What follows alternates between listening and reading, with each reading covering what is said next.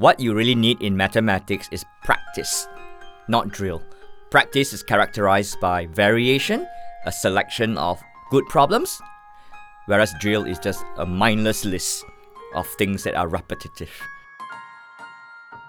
Välkommen till Natur och kulturs podcast Akademiska kvarten. I den här podden ger vi dig en akademisk kvart med tongivande personer som har något viktigt att säga om svensk utbildning.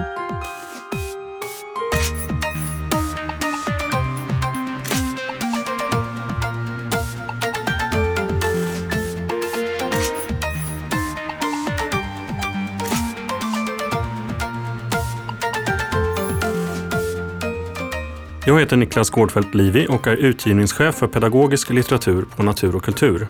I det här avsnittet träffar jag Dr. Jep Banhar som är forskare och en av världens ledande experter på Singapore-modellen. Han är en mycket uppskattad föreläsare med uppdrag runt hela världen. So today we're in Stockholm and we have a guest from all the way from Singapore. Um, welcome to the podcast, Dr. Jep. Most welcome. Um, now, to the listeners that don't know uh, about you, could you give a brief uh, introduction to who you are? I'm currently working at two different schools one in Singapore, Pathlight School, and the other one in Thailand, Anglo Singapore International School. So I've been doing this job for the last 10 years on top of researching materials that eventually become the textbook. Prior to that, I was a professor at a university for 10 years, and prior to that, I was teaching in schools, doing different things. How would you describe what we and others around the world call Singapore math? What is Singapore math? There's really no such thing as Singapore math. It's what the Americans call it initially. Uh, it's really just mathematics that we have been trying to tell teachers initially in Singapore and eventually globally what to do to help students learn at a high level. But if you want a phrase to describe Singapore math, it's really mathematics that focuses on problem solving. On problem solving, as opposed to? As opposed to memorizing, mm. as opposed to doing procedures without understanding, and as opposed to doing calculations that are kind of tedious. Yeah, and um, I myself, I'm I'm not a maths teacher, and um, I can struggle sometimes with maths. Uh, is it really? Is it? A, is it a dichotomy between um, doing procedural maths and problem solving? Yes, it is a dichotomy because uh, what you really need in mathematics is practice, not drill. Practice is characterized by variation, a selection of good problems, whereas drill is just a mindless list of things that are repetitive. So there's a dichotomy between doing good maths and doing drills. Yeah. So that's a student perspective, but I also understand that. Um, uh, I mean, what we're talking about here is a way of teaching. And uh, you were talking about something called teaching to mastery. Yes. Um, could you explain that? So, when we teach to mastery, it actually really means the students learn to a high level, students learning to a mastery.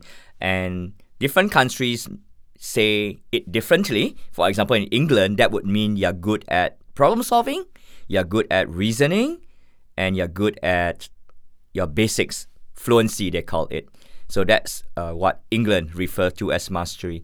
Uh, essentially, mastery is just being able to do mathematics at a pretty high level. Essentially, being able to do things, including things that you're not very familiar with. We often call that problem solving. So, mastery is essentially problem solving when you can apply what you learn not to just familiar situations or straightforward situations, but also unfamiliar and fairly complex situations. Hmm. Well, and what would be a typical good mathematical problem to use? A good problem to use for learning in a classroom, that means catering to all kinds of students, is what people like Jo Boaler, professor at Stanford, would call low floor, high ceiling tasks. Low floor because it's accessible, even the beginners can begin, but high ceiling because it can continue uh, to challenge students even those who are gifted or talented. Mm.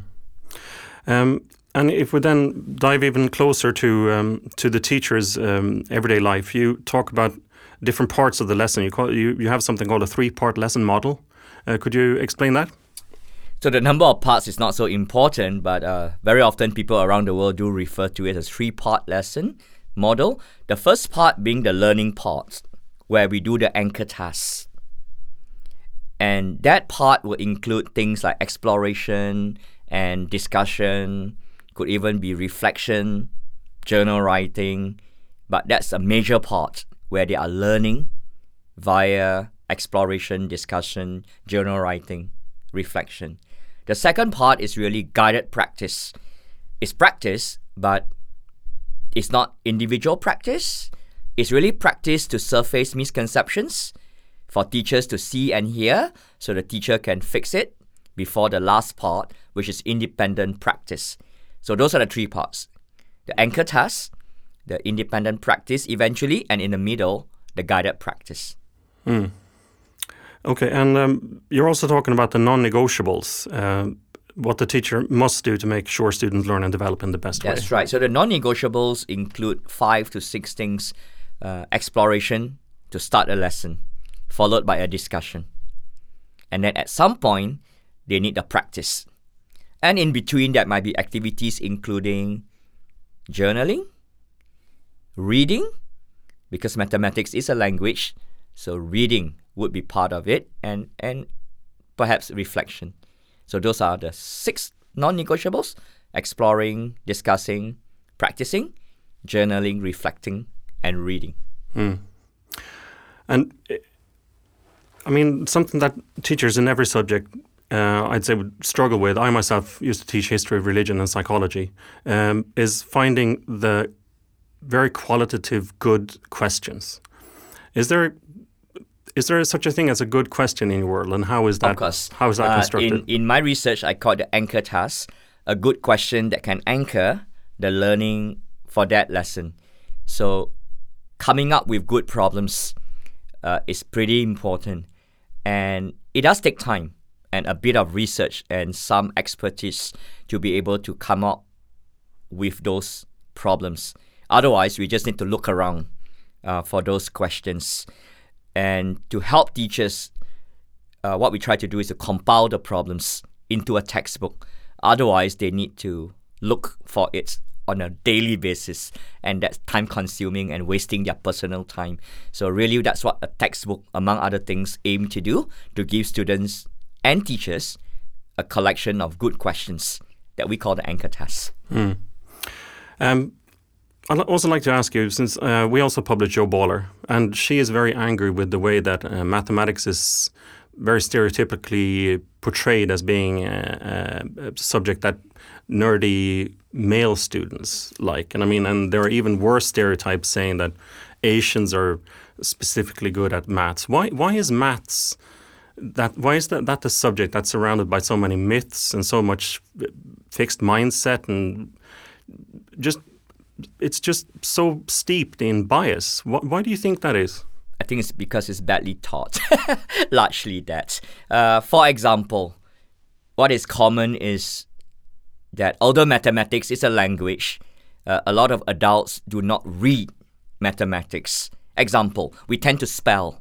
So we'll say things like 2x minus 1 equals to 9. That's just making sounds mm. of the symbols.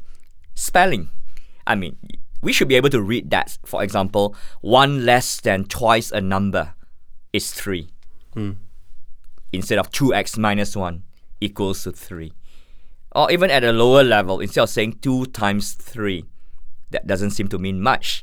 I can say two groups of 3, two rows of 3, which give people a better visual image of whatever they are doing. So I think mathematics have been taught as a subject where you do things computing, simplifying some expression, rather than a subject where you're thinking. So, whenever students think that maths is a collection of things to be memorized, mindless procedures to be followed, then a lot of people really have no idea what they are doing and really cannot learn it, even though they are fully capable to learn it. But when mathematics is portrayed as uh, a domain where you think, and the equations and expressions are merely the language to capture your thinking, then there's a higher chance more people will learn it at a high level. Hmm. So, are you hopeful that these stereotypes will someday disappear? Um, actually, the stereotypes is not even important. For example, in Singapore, our girls are as good as the boys, and people who are good in sports are also good in maths. Uh, that's because in Singapore, uh, if you believe studies like TIMSS, uh, 80% of our fourth graders and slightly more of our eighth graders are capable of what they call the high benchmark, uh, which include ability to solve fairly complex problem. So that practically covers everybody if it's 80%. So that would include some of your cooler students, for example, those who perform in drama and also, you know, uh, play sports. And of course, the girls are just as good as the boys. And obviously, the stereotype that Asians are all good in maths, uh, that's clearly not true. Like Indonesia, uh, the TIMSS performance is it's pretty low actually, and they're, they're Asians. I don't think it got to do with racial group or gender. No, of course not. Of course not. So yeah, it's just being being given the opportunity. So in some education systems, especially the Southeast Asian education systems, uh, we do not teach mathematics well because we focus on the wrong things. Hmm. Um, all right. I, I also, I can't not use the opportunity to ask you about the PISA uh, results. Because here, when the PISA results are published, it's usually um, a, a pretty panicked response. And it's very politicized, uh, and it's always a discussion that ends up with a lot of concern. Um, how is, what is it like in Singapore when the PISA results are published? Actually, nobody knows about it. Uh, even teachers, definitely members of the public, do not know about it. Every time I tell teachers about the PISA result, I have to explain right from the beginning what it is all about. In other words, not many people actually know about PISA. Usually, there will be a small report on the day it is released. Singapore tops again in whatever study, and I don't think people really pay attention to it. Uh, it is really mostly for the government to consume the information, for schools to look at the details of the information. Uh, put it simply, it's not something that public would commonly talk about because they simply do not know about it. We don't really pay attention to to PISA and TIMSS. The kids do well, but you know, we don't really pay attention to it. Hmm, that's interesting.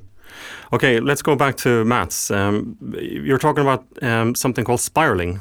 Um, could you explain the concept of spiraling?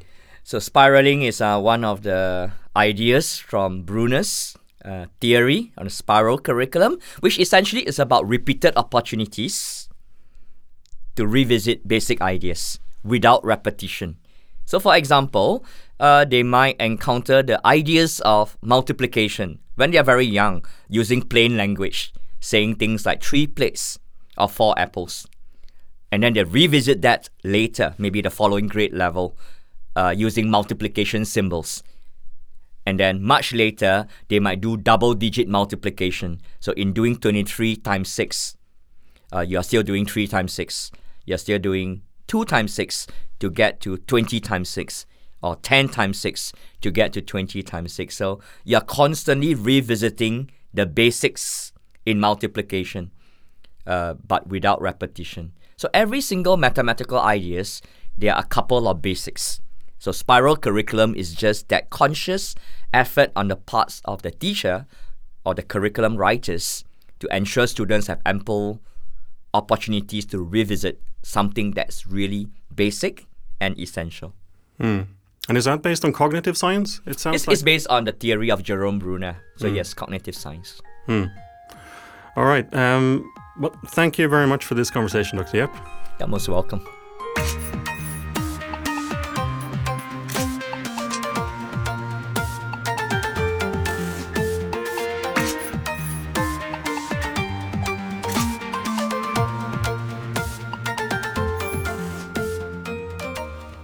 Förlaget Natur och kultur är en stiftelse som utan ägare kan agera självständigt och långsiktigt. Vårt mål är att genom stöd, inspiration, utbildning och bildning verka för tolerans, humanism och demokrati.